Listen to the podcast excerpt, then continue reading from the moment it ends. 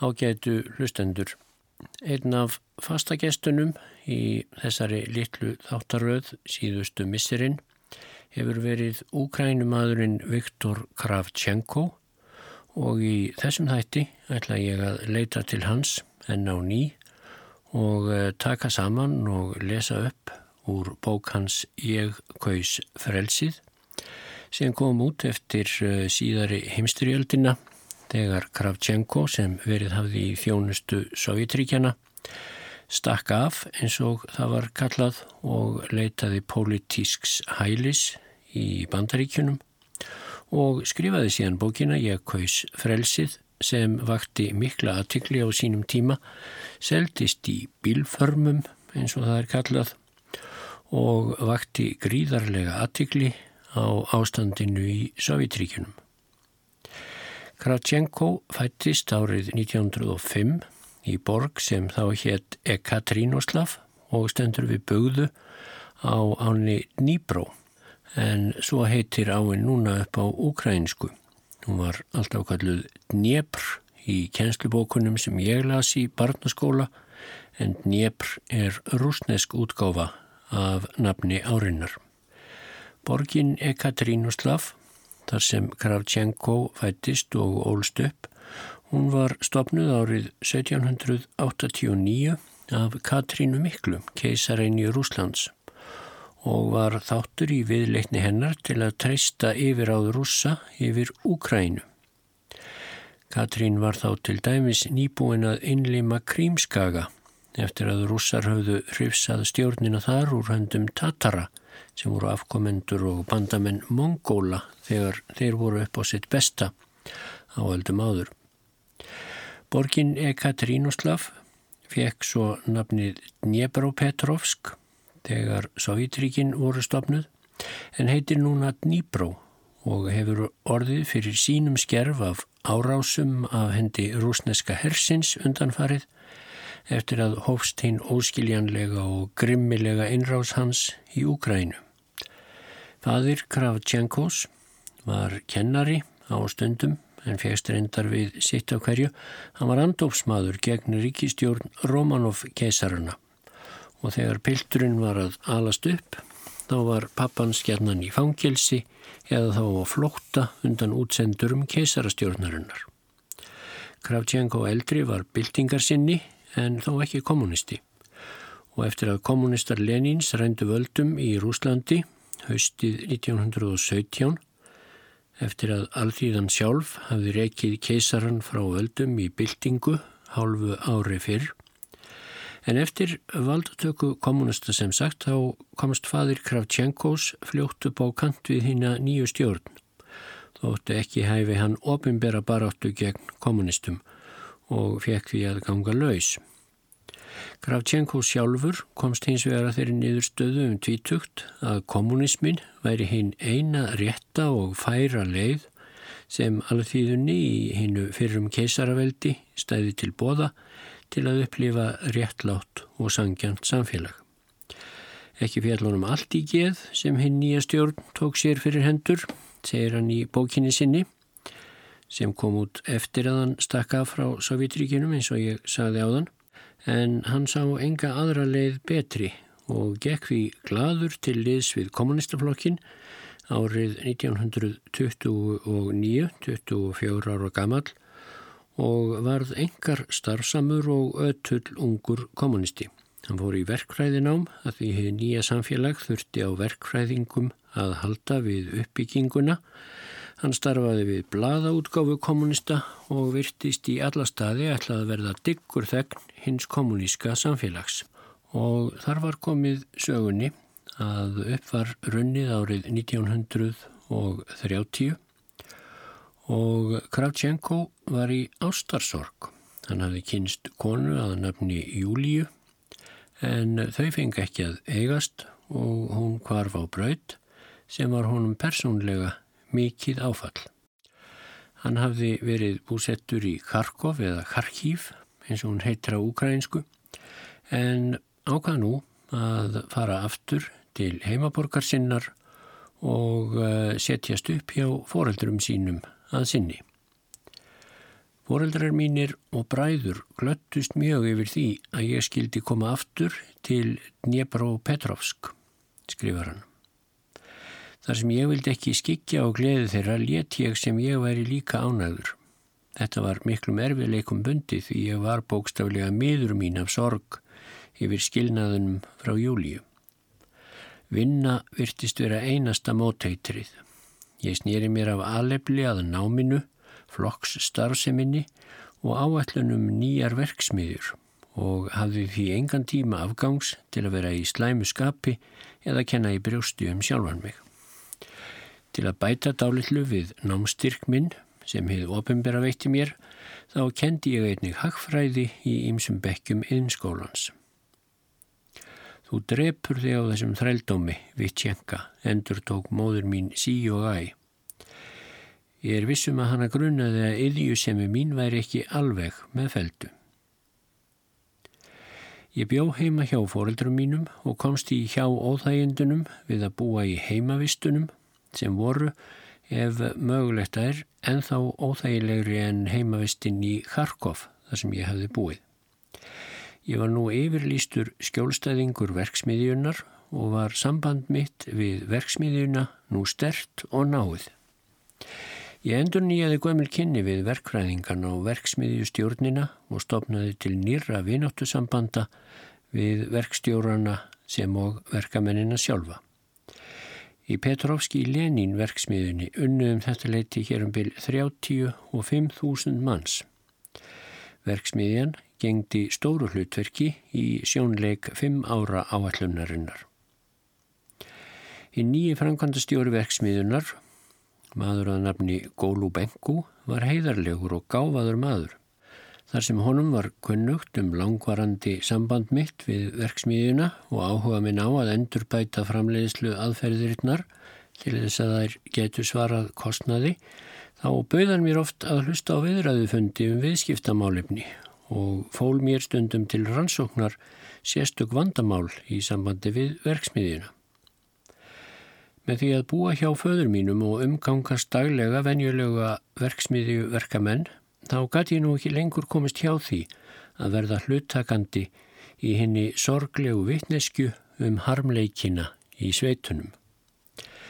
En hér ætla ég að skjóta því inn í frásögn Kravtjenkos að þarna um 1930 þá var samirkjubúsvæðing Stalins, hins nýja leittoga Sovjetríkjana, komin á fullt og átti eftir að enda með hreinum ósköpum eins og reyndar kemur glegst fram setna í bók Kravtjenkos.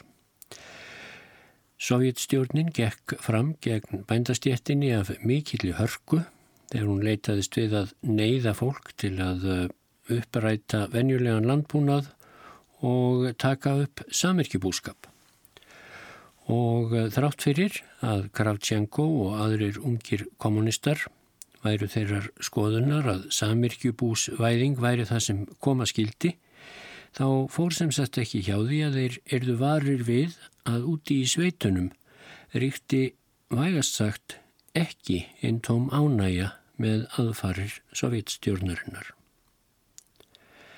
Í okkar hóp leitum við kommunistar þetta efni hjá okkur skrifar hann, eða töluðum um það á hinnu íburðarmikla tungumáli flokksins. Við töluðum um bændasamtök, kúlakka ógnir, sveitaþorpa sósialisma og stjettar mótstöðu. Til þess að halda sálarfríði neytumst við til að draga raunveruleikan út úr meðvitund okkar með orðagjálfri. En almennu verkamennir Þeir voru ekki neittir til þess. Margir þeirra höfðu áður verið bændur og næstum því allir áttuður enn ættingja í sveitunum. Þeir gáttu ekki hort hlutlægt og vísindarlega á samirkju búskaparstefnuna eins og við töldum okkur trúum að við gerðum. Þeir töluðu opinskátt um ofbeldi nýju stjórnarinnar, grimd, sult og dauða ekki almennt, heldur eins og atvik sem komu við þá persónulega og hafðu komið fyrir hann Ívan eða þá hann Stefán í ákveðin sveitaþorpi. Við og við heyrði ég þá tala um að svo illa væri komið að mannakjöts átt ætti sér stað í landsluta okkar en slíkt taldi ég íkjur og lagði engan trúnað á. Þó fylgtu frásagnirnar mig skjelvingu. Einnig í skólanum gatt vitundin um skjelvingarnar rétt fyrir utan dyrnar hjá okkur ekki látið reka sig á flóta. Það voru gefnar út viðvaranir við því að enduróma orðróm sem væri andstæður floknum, eins og það var orðað. Orðróm sem væri breykaður út af afturhaldsmönnum, trotskíistum og kúlakka erindreikum. En kúlakkar voru svo kallaðir sjálfstæðir bændur en uh, í munni kommunista fór orðið kúlakki að þýða stórbóndi þótt uh, flestir kúlakkar væru nú langt í frá nokkrir stórbændur. En Kravtjenko helt áfram.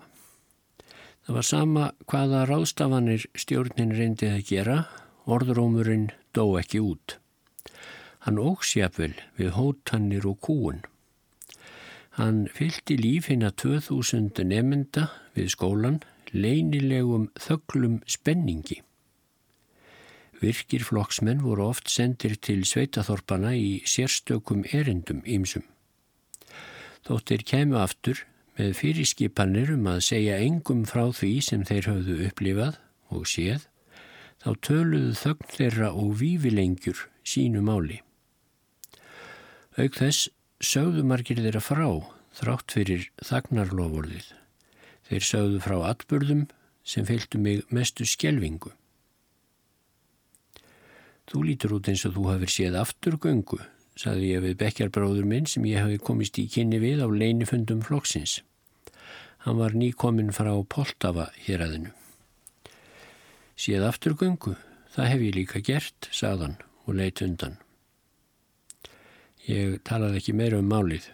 Ég fann að hann brann í skinninu að segja einhverjum, að segja mér alltaf létta, en ég flúði af óta við þau áhrif sem það geti haft á mig að heyra sannleikan. Öðru hverju voru slefberar, svo nefndir, meðan nefndana settir í varðhald. Það var lögð öllu meiri áhersla á að vaka yfir pólitísku síðgæði nefndana en að fylgjast með námið þeirra.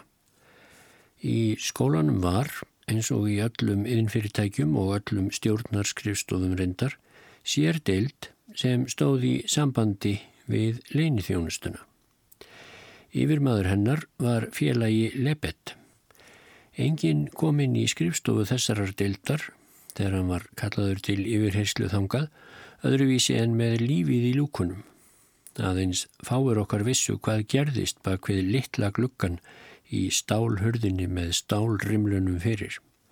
En samt voru fáir af okkur svo barnalegir að okkur væri það ekki ljóst að hver einstakur nefnandi ætti sína skjálamöppu í sérdeildinni þar sem hvert orð sem hann sagði og hver aðtöfnans, já ég vil þau áhrif sem framkoma hans hafði voru skrifuð upp. Skýrslurnar um engamál fólu í sér upplýsingar um engamál nefnandans eða kennarans en líka um ættingi hans og pólitíska fortíð. Fyrst og fremst voru þar allar skýrslur og ákærur frá hinnum leinilegu erindreikum sem settir voru í sérkvern bekk og sérkvern svefnsal í skólanum og þeim uppljóstururum sem störfuðu sem sjálfbóðleðar og reyndu með því að vinna hilli skólastjórnarinnar eða létur hreinlega stjórnast af ofináttu eða hemdarhug. Til þess að vernda uppljóstrunnar mennina og styrkja netina daglegun jóstna höfðu ekki einsinni skólastjórin eða rítari flokksnefndarinnar aðgang að þessum upplýsingum. Sérdeildin átti leinilega erindreka í sérkverri starfskrein skólans og jáfnvel í flokkstjórninni sjálfri. En flokksinnemndin hafði sína sérstökunjósnara í flokkstjórninni og þá þekkti sérdeildin ekki. Það voru þannig njósnarar og njósnara ofan í flokknu minstri sem lagði ábyrrandi farg af óta yfir allt og alla. En ekki var þó öllu lokið með þessu. Fyrir utan sérdeldina hafði leini þjónustan erindreka í skólanum sem gáfu skýrslur sínar beint til umdæmis aðalstöðvana og þær höfðu þannig sérstakt eftirlit með lebett og starfsmönnum hans. Borgarnemnd flokksins hafði erindreka í flokkstjórninni og umdæmisnemndin fekk leinilegar skýrslur frá sínum sérstekumannum í borgarnemndinni.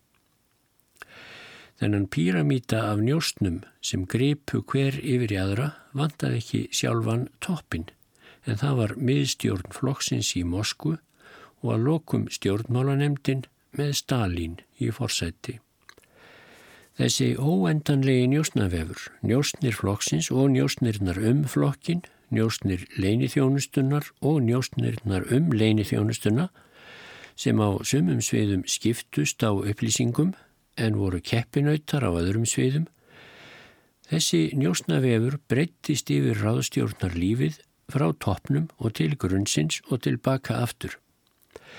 Við lifðum þá þegar í veröld sem var full af ósýnilegum augum og eirum. Hinn óbrotni maður vissi auðvitað ekki hversu yfirgripsmikið og flókið fyrirkomunlegið var og þetta stutta yfirleitt mitt byggist á uppgötunum sem ég gerði síðar eftir því sem tímar liðu fram. Hinn óbrotni maður vissi aðeins að vekkirnir höfðu eiru eins og sagt var og að hreinskilni væri stista leiðin til tortímingar. En þrátt fyrir allt þetta þá breyttist hinn forbóðuna vittneskja um það sem ætti sér staði í sveitunum, hún breyttist smátt og smátt út. Það er góð sönnun um hversu reyndi á tilfinningar manna á þessum tímum. Það er líka sönnunargagnum hinn að sérstöku rúsnesku löngun til að tala, löngun til samúðar, til að segja frá einstu tilfinningum sínum. Gegn hátíðlegum lovorðum um þögn, þá hættum við á að ræða með okkur þær evasemtir sem þjáð okkur og kvöldumst á að óta við að hvert orð sem við segðum myndi á einn eða annan hátt komast í enga skjöl okkar bak við stálhurðina. Hversu oft átti ég ekki eftir á á hreinsunar árunum setna að verða fyrir því að rekin væri framann í mig aðtogasemd sem ég hafði sagt í trúnaði við vinn sem ég tristi fullkomlega. Hversu oft átti ég ekki að verða spurður á því hvers vegna ég hefði ekki gefið skýrslu um aðtóa semdir annara sem þeir höfðu komið með í viðurvist minni. Það var skoðað sem samþykki og samsegt að láta undir höfuðleggjast að segja frá tilfinningum og skoðunum sem andstæðar væru floknum eða ráðstjórninni. Sérdeildin var ekki hörundsár þegar hún var að elda upp í óvinni.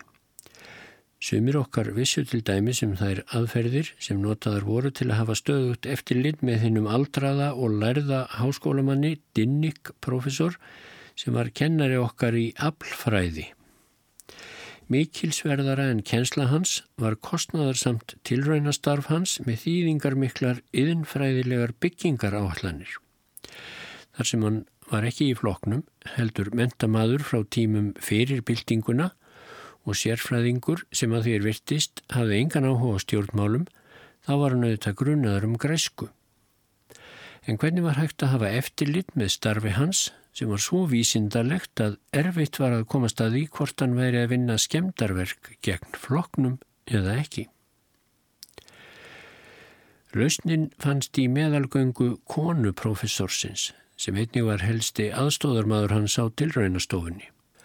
Hún var hávaksinn, Beinaber, ljóshærð kona, ekki ólagleg, rúmlega hálf fertug og þannig næstum því 30 árum yngri en maður hennar.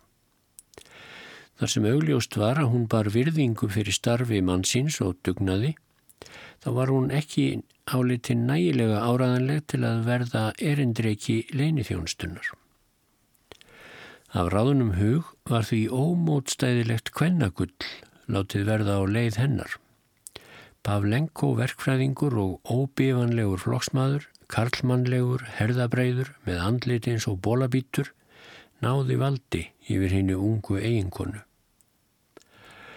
Brátt var Dinnik professor sá eini í skólanum sem vissi ekki að konu hans átti sér elskuga og konan hans var hins vegar ein af þeim fáu sem höfðu ekki grunum að elskugi hennar væri aðeins að inna af hendi starf fyrir leinithjónustuna. En fórn hans kom ekki að neinum notum. Það var aldrei hægt að uppgötva nein merki þess að profesorinn væri að vinna skemdarverk af nokkru tægi. Þótt við félagar mínir gefum það sjaldan í skín nema með óljósum bendingum og í tákrænum pólitískum smásögum þar að segja kýmnisögum með pólitískri merkingu, þá var þetta flokna njósnakerfi jafn raunhæft og gegn sýrði allt eins og loftið sem við önduðum að okkur. Það tók til og gegn sýrði ekki síður verksmiðjuna en skólan, blöðin sem ég var starfsmæður við, ekki síður en hinn ímsu stofnanir flokksins sem ég starfaði hjá í vaksandi mæli Þar eða ég var á þessum tíma meðlimur stjórnmálanemdar innan flokksnemdar okkar í skólanum. Út um allt voru ógrinni af persónulegum upplýsingum og uppljóstrunum, sumar gefnar til að réttlæta sjálfa sig, sumar gefnar í hemdarskinni og helst til kaldrananlegar. Smálestir af skjálamöppum, miljónir njósnara. Allt var þetta sundurgreint og lesið og lagt við hlýðina á fyrriskjölum og borið saman við þau. Eftir ritt voru sendt til ákjærandans, til embættismanna þeirra sem áttu að halda upp í flokksaga og ennfremur þegar nöðsynlegt var að hefjast handa strax til hína leinilegu domstóla leinithjónustunar. Þetta voru banvæn vopn til afnóta í framtíðinni gegn myndum frávillingum og evasemdarmönnum. Það voru týjir þúsunda af skipulögðum skjálasöpnum en hvert þeirra um sig var heilt vopnabúr af upplýsingum um engamál manna, uppljóstrunum, legum, sveikum og jáfnvel tómum miskilningi. Innan hins ríkjandi flokks okkar hafði þetta leinilega fyrirkomulag eftir lits og uppljóstranna sem náði yfir allt og eigðirlaði með öllu allt enga lífi í fornri merkingu þess orðs. Það hafði sérstakt nafn. Það var nefnt flokks líðræði. Á ráðstefnu fjármálastarsmanna, þegar komið var fram í júni árið 1931, þá helt félagi Stalin ræðu sem var þannig að yðnaðurinn skalva á grunni sínum og lífið breytt um sveip hjá öllum þeim sem við yðnaðin störfuðu. Í ræðu sinni taldi hann upp sex atriði til að auka afkvöstin voru hinn þýðingar mestu þeirra nákvæmur útreikningur kostnaðarins, einhæfari stjórnvinnunar, aukin ábyrð á mistökum og eðslu og mjög mismunandi launagreðslur. Það hefur lengi gengið illa að láta yðnaðinn svara kostnaði, saði Stalin.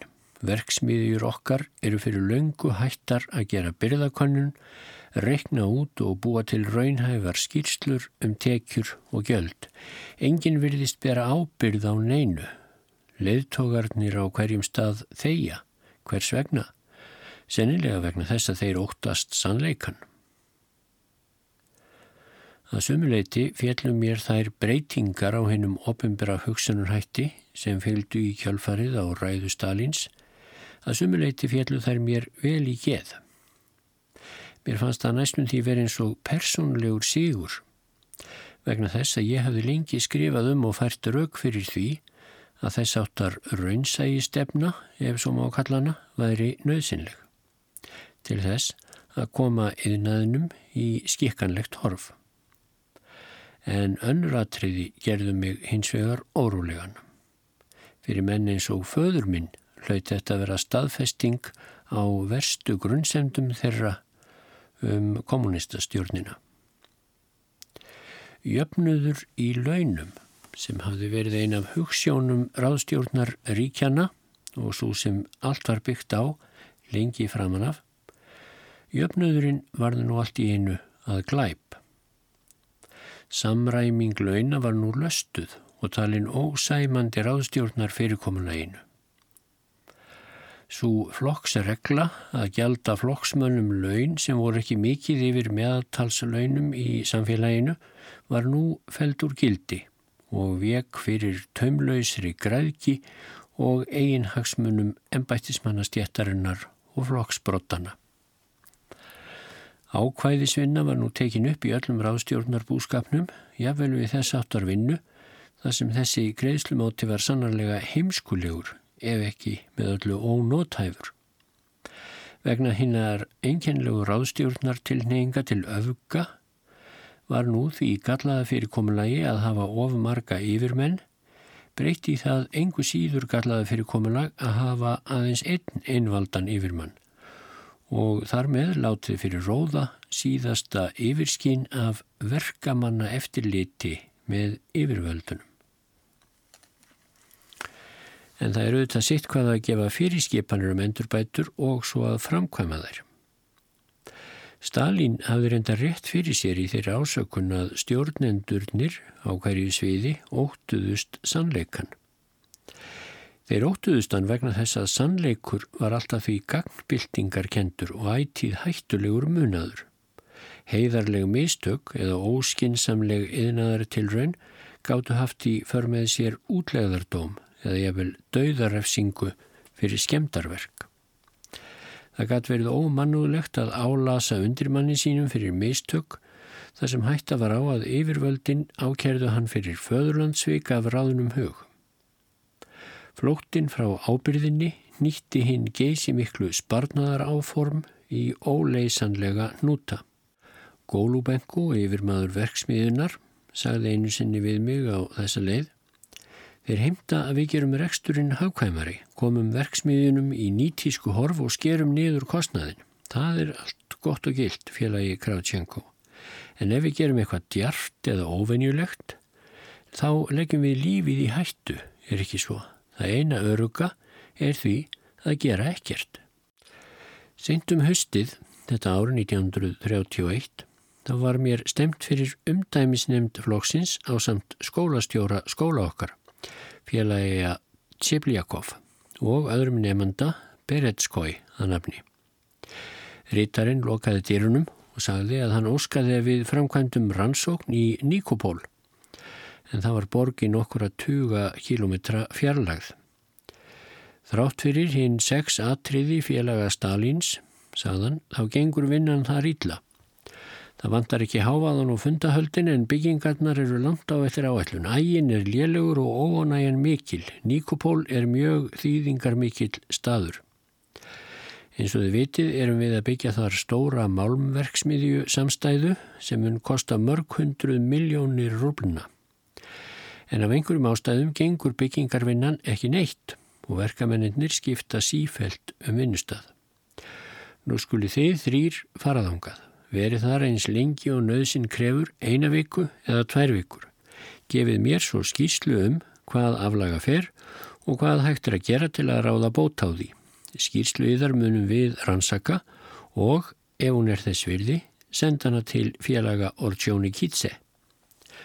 En Sergó Ortsjóni Kitse var einn aðsti maðurinn í sovjaskum yðnaði, Georgiumadur og félagi Stalins á þeim árum.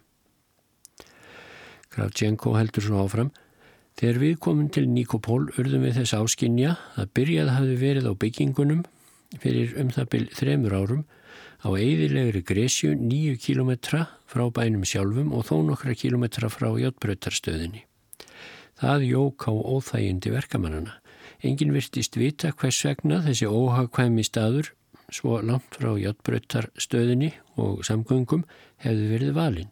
Ef byggt hefði verið nær bænum þá myndi það að nokkur leiti hafa dreyið úr húsnæðisvandamálunum sem fylgdi mikil óhagkvæmni.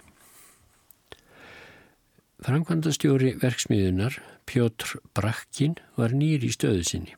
Hann gæti þess vegna komið upp um ölluði mistök og heimskupör á undanónum sem höfðu orðið þess valdandi að vinnan stöðaðist. Þegar ég kom hingað hvartaðan var allt á kafi í ringulreið og sóðaskap. Það eitt að komast til botnsýði var mikil vinna. Auk þess er ekkert skinsamlegt hlutfall millir hinn að ímsu hluta fyrirtækisins. Þið vitið sjálfur félagar að sér hver málmverksmiðja er undir öðrum verksmiðjum komin. Það er heimskulegt að byggja eina þeirra annars að taka tillit til hinna. Það getur lítið vel út á pappirnum en það lítur ekki jafn vel út þegar hinn raunverulega framleiðisla á að byrja. Við urðum skjelvingu losnir þegar við sáum dýrmættar vélar, flestar af þýskum uppruna sem reyðguðu undir berum himni, drefðar yfir það geysilega svæði sem nota hafði átt undir hinnar áalluðu verksmiðjur, undir steipuverkstæði, verksmiðjustjórnar byggingar og verkamannabústæði. Allstaðar sáum við yfirgefnar byggingar, sumar half byggðar, að öðrum var aðeins búið að steipa grunninn. En þetta er hræðilegt félagi Brakkó, sagði ég, á meðan við brutum okkur braut í gegnum þessa mýrlendu auðn, múrsteins og málms. Það veit ég vel, sagði hann, en hvað get ég að gert? Við erum alltaf byrjaðar á byggingu þegar fyrirskipun kemur frá aðalstöðunum að við eigum að hætta við hana og einbeit okkur að einhverjum allt öðrum stað. Áallununum hefur þá verið breytt meðan á þessu stendur verða afkvöst verkamannana langt fyrir neðan hinnar fræðilegu reglur. Það er óskaplega mikið um veikindi og fjárvistir, verkamennir eru þreyttir, þeir lifa við lélegar aðstæður og okkar á milli sagt þá fáður ekki nægilegan mat til að geta unnið svona vinnu. Svo bætt hann við og það var ekki löst við ánægjur hreim í röttinni. Ég er auðvitað nýram nálinni hérna, þetta er allt saman arfur frá fyrverandi verksmiðustjórn. Vestlings Brakó, skrifaði Kravtjenko. Hvernig gætt hann grunað á þessari stundu að hann yrði eftir nokkur ára að borga fyrir þessa ringulreið í Nikopól með frelsi sínu? Og hvernig átti mig að gruna að ég yrði sjálfur skipaður í ábyrðar stöðu í framkvæmda stjórn þessa rísavaksna málmiðinaðar fyrirtækis? Í sætli fávisku um örlög okkar þrömmuðum við saman í gegnum þessa ótrúlegu ringulreið. Rannsóknarnemdin lagði fyrirspurnir fyrir verkfræðingana, verkstjóra og einstaka verkamenn. Okkur var það ljóst að alltaf var verið að hætta við verk og peningum og vinnu var sífælt eitt til einskís. Aðal ástæðurnar fyrir þessu voru að minni skoðun tvennskonar. Í fyrsta lagi voru það sífælt afskipti og nálastungur að utan. Embættismenninir á staðnum gátt ekki annað gert en hlýða sífelt breyttum fyrirmælum að ofan og utan og vona bara það besta.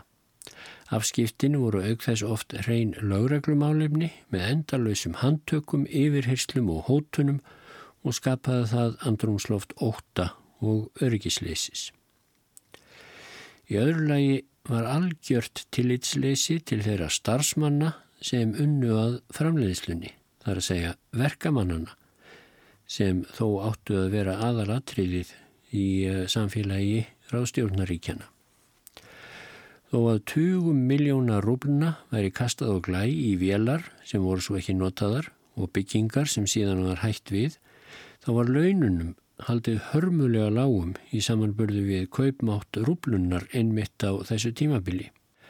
Vandaðir verkamannabústaðir voru vissulega á teikningum en hinnum lífandi verkamönnum var rúað saman í trebrakka sem reistir höfðu verið í flíti með óþéttum þökkum og rökum veggjum og gólfum og voru jáfnvel án frumstæðasta heilnæmis útbúnaðar. Áherslan var alltaf lögð á arðin en algjör fyrirleitning sín þeim mönnum sem leistu verkið af hendi. Annað kvöldið sem við dvöldum í Nikopól Þá ákvaði ég að fara í heimsókn í braggana á samt byggingamestarunum, rítaraflokksins þar á staðnum og braggastjóranum. Eftir að við höfum vaðið gegnum ökla djúpa fór komum við að röð hinn að dapurlegu bústaða. Þó að rafmagn væri í stjórnarbyggingunum hafði ekki verið lagt að rafmagn í hverfi verkamannana. Óljulampar vörpuðu útfarar kendu rökkri yfir allan óþverjan en sumstaðar voru lamparnir reyndar ekki annað en kveikir í skál með olju. Í einum af brökkunum var næri því aldimt utanfrá að sjá. Ég drap á dýr og gamal skeggjaður maður opnaði. Gott kvöld, félagi, saði yfirmadurinn, megu við koma inn. Hver eru þér? spurði gamli maðurinn. Ég er flokksirittarinn og hér Hann benti á mig, þetta er nefnd frá aðalstöðunum. Þetta líkar mér, sagði verkamæðurinn í augljósum hæðinist tón. Gerir svo vel að koma inn í höll okkar verkamannana. Má bjóðiður nokkrar rottur eða kjósi þér heldur veggjalís en skiptiður ekkert af lyktinni. Í bragganum var næstum því myrkur. Í nokkrum þýlrekkjum lágu nokkur menn og lásu við ljós ólíukólunar. Aðrir spiluð á spil í efri þýlrekju. Flestir hinn að 50 til 60 manna þarna einni gaf okkur ekki góðum. Hinnir hópuðust saman um okkur, ákafir í það kvarta yfir og bölva húsakinnunum. Rotta lagði á flóta undan fótum okkar. Kalliði þetta rúmfödd, saði einn af verkamönnunum. Eru þetta kottar? Nei, þetta er ekki annað en skítuar druslur. Hversu oft er skiptum á rúmunum, spurði ég. Einu sinni á mánuði ef hefnin er með, annars annan hvern mánuð, þriðja hvern mánuð eða bara aldrei. Við erum aldrei lausir við óþrif og mís, rópaði annar maður. Komið hérna og þér skuluð fá að sjá.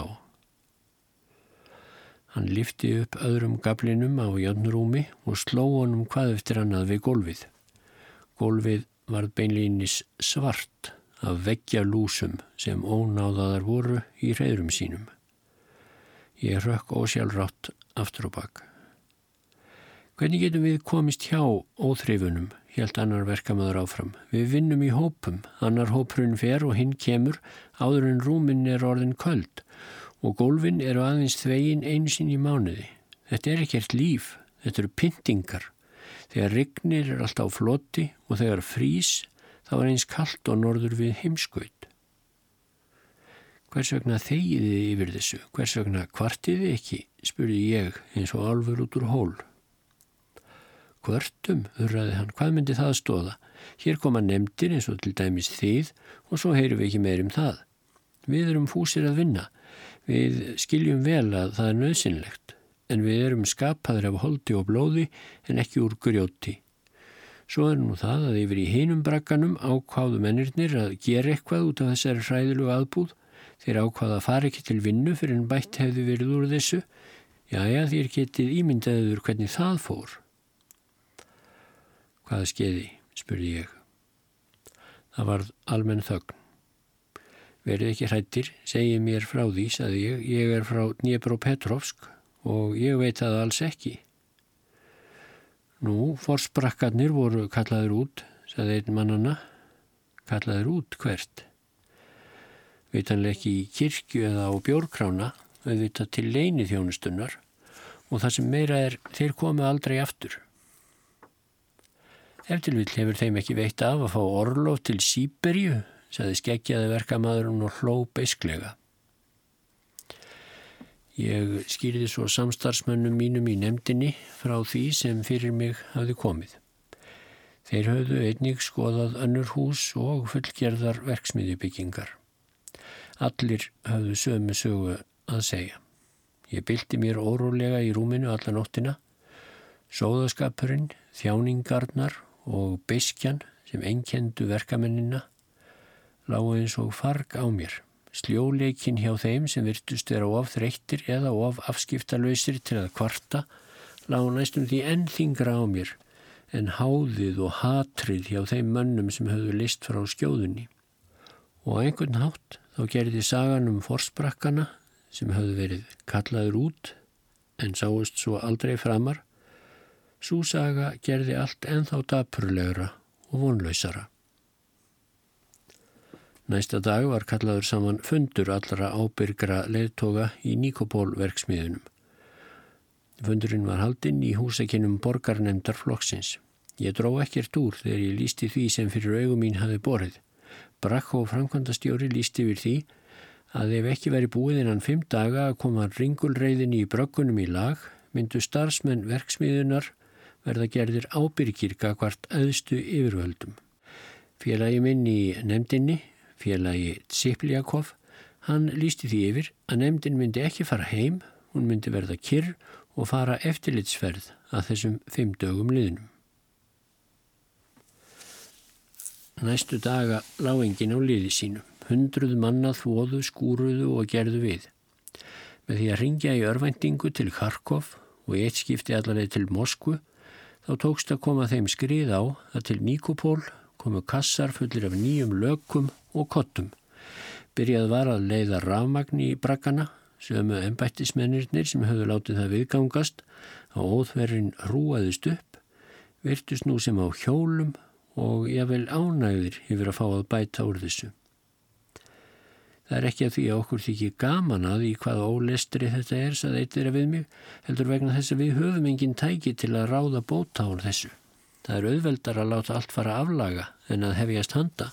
Engin vill axla ábyrðina. Við skulum taka þessa hreinsun sem dæmi. Hún er möguleg vegna þess að þið eruð umbóðsmenn umdæmisnemdarinnar. Það hafi ekki verið settan einar fjárhæðir í fjárhagsáallunina til að kaupa hrein lok eða framkvæma meiriháttar viðgerðir og hver þorir þá að snerta við fjárhagsáalluninni. Hún er eins konar vítarhingur. Kvöldið áðurum við fórum snætti ég kvöldverð með einum af verkfræðingunum í verksmiðjustjórninni. Hann var roskin maður, óflokksbundin. Ég er ekki einn af ykkur kommunistum, saðan, en aðeins gamal rúsneskur mentamaður. Ég skipti mér ekkert af innri málefnum ykkar, en ég er verkfræðingur og ég vil ógjarnan að starf mitt verði til einskis. Ég elska land mitt og ég vil óska því vegni vel, því meðir trúa en hann helt áfram allar tilugur okkar sem við sendum til aðalstöðana eru gaggrindar. Það er ekki dæmt frá sjónarmiði verkfræðinga, heldur frá pólitísku sjónarmiði. Og því sem ákveðið er verðum við að hlýða hvort sem nokkurt vit er í því eða ekki. Þegar aðalstöðvarnar gera skissu þá fellur okkur það þungt en við verðum að þeia. Við megum í raun og veru þakka forsjóninni ef sökinni á heimsku þeirra er ekki skellt á okkur sjálfa. En hvað með flokksmennina heima fyrir, spurði ég, geta þeir ekki hjálpað til? Ó, félagi Kravtjenko, það eru nógu margir embættismenn til þess að líta eftir okkur, en ekki margir sem leggja okkur lið. Verksmiðjunemnd flokksins rannsakar, borgarnemndin rannsakar, leinifjónustan rannsakar og nú eru þér hér til að rannsaka. Þeir rannsaka okkur og hver rannsakar annan. Maður skildi ætla að þegar grindum mönnum hefur verið trúað fyrir miljónum rúbluna, þá hefur þeir frið til að nota þeir á skynnsaman hátt. En eins og málum er nú háttað, þá notum við meiri tíma til að velta fyrir okkur hvað þessi eða hinmunni hugsa heldur en til raunverulegra verkfræði eða byggingarstarfa. Ég er gamal maður og get því talað eins og mér býr í brjósti. Ég fór frá Nikopól hryggur í huga. Það undarlegasta er þegar ég minnist þessarar heimsóknar að miklum hluta hinnar stórkoslegu málverksmiðju samstæðu skildi af einhvern förðulegan hátt verða lokið, hægar og dýrar en áallad hafi verið og með næstum óútreiknanlegu verði, mannslífa og þjáninga en verksmiðurnar voru að lokum reistar. Við gáfum ítarlega skýrslu til flokksins sem áttur gerði tillögur til stjórnarinnar í Moskvu. Í frásögnminni slefti ég engu óþægilegu, ekki einu sinni veggjalúsinni eða handtöku leini þjónustunnar á þeim verkamönnum sem höfðu kvartað. Mér er alveg ókunnugt um hvort þessi síðasti liður skýsluminnar hefur nokkur tíma skilað sér til Moskvu. Þessi reynsla mín styrti mig í fyrirætlun sem ég hefði velt fyrir mér í marga mánuði. Ég hefði ákveðið að ferðast til Moskvu og reynaðan á tali af félaga Ortsjóni Kítse. Ég ætlaði að tala við hann eins og maður við mann um þá galla og þær hörmungar sem ég sá allt í kringum mig. Þar er þessi fyrirætlun mín var í samræmi við þarfir Petrovski Lenin verksmiðjunar þá samþykti Gólubengu framkvæmdastjóriðana og félst á að greiða ferðarkostnaðinu. Og þegar ég var komin til Moskvu þá ræðaði ég mér beint frá Jóttbröttarstöðinni til ráðuneytis þungaðinaðarins. Þetta var þriðja heimsókn mín til Moskvu. Í fyrri heimsóknum mínum þangað að ég ekki orðið jafn mikið var við mun á höfðborginni og hinum landslutunum. En sá munur var nú augljós. Þetta var munur sem að sumuleiti stafaði af bættu útliti höfðustæðarins en þó því miður að langmestu leiti að því hver ástandið hafi versnað í borgunum út um landið. Eftir að hafa átt heima í Dnjepro Petrovsk og Kharkov virtist mér Moskva heimkynni allra allsnækta. Byðraðirnar fyrir utan búðirnar voru ekki jafn langar og hillurnar ekki jafn tómar og því sem ég átt að venjast. Nýður hins starfandi lífs var næstum því heyranlegur og bar vottum, já, bjart síni.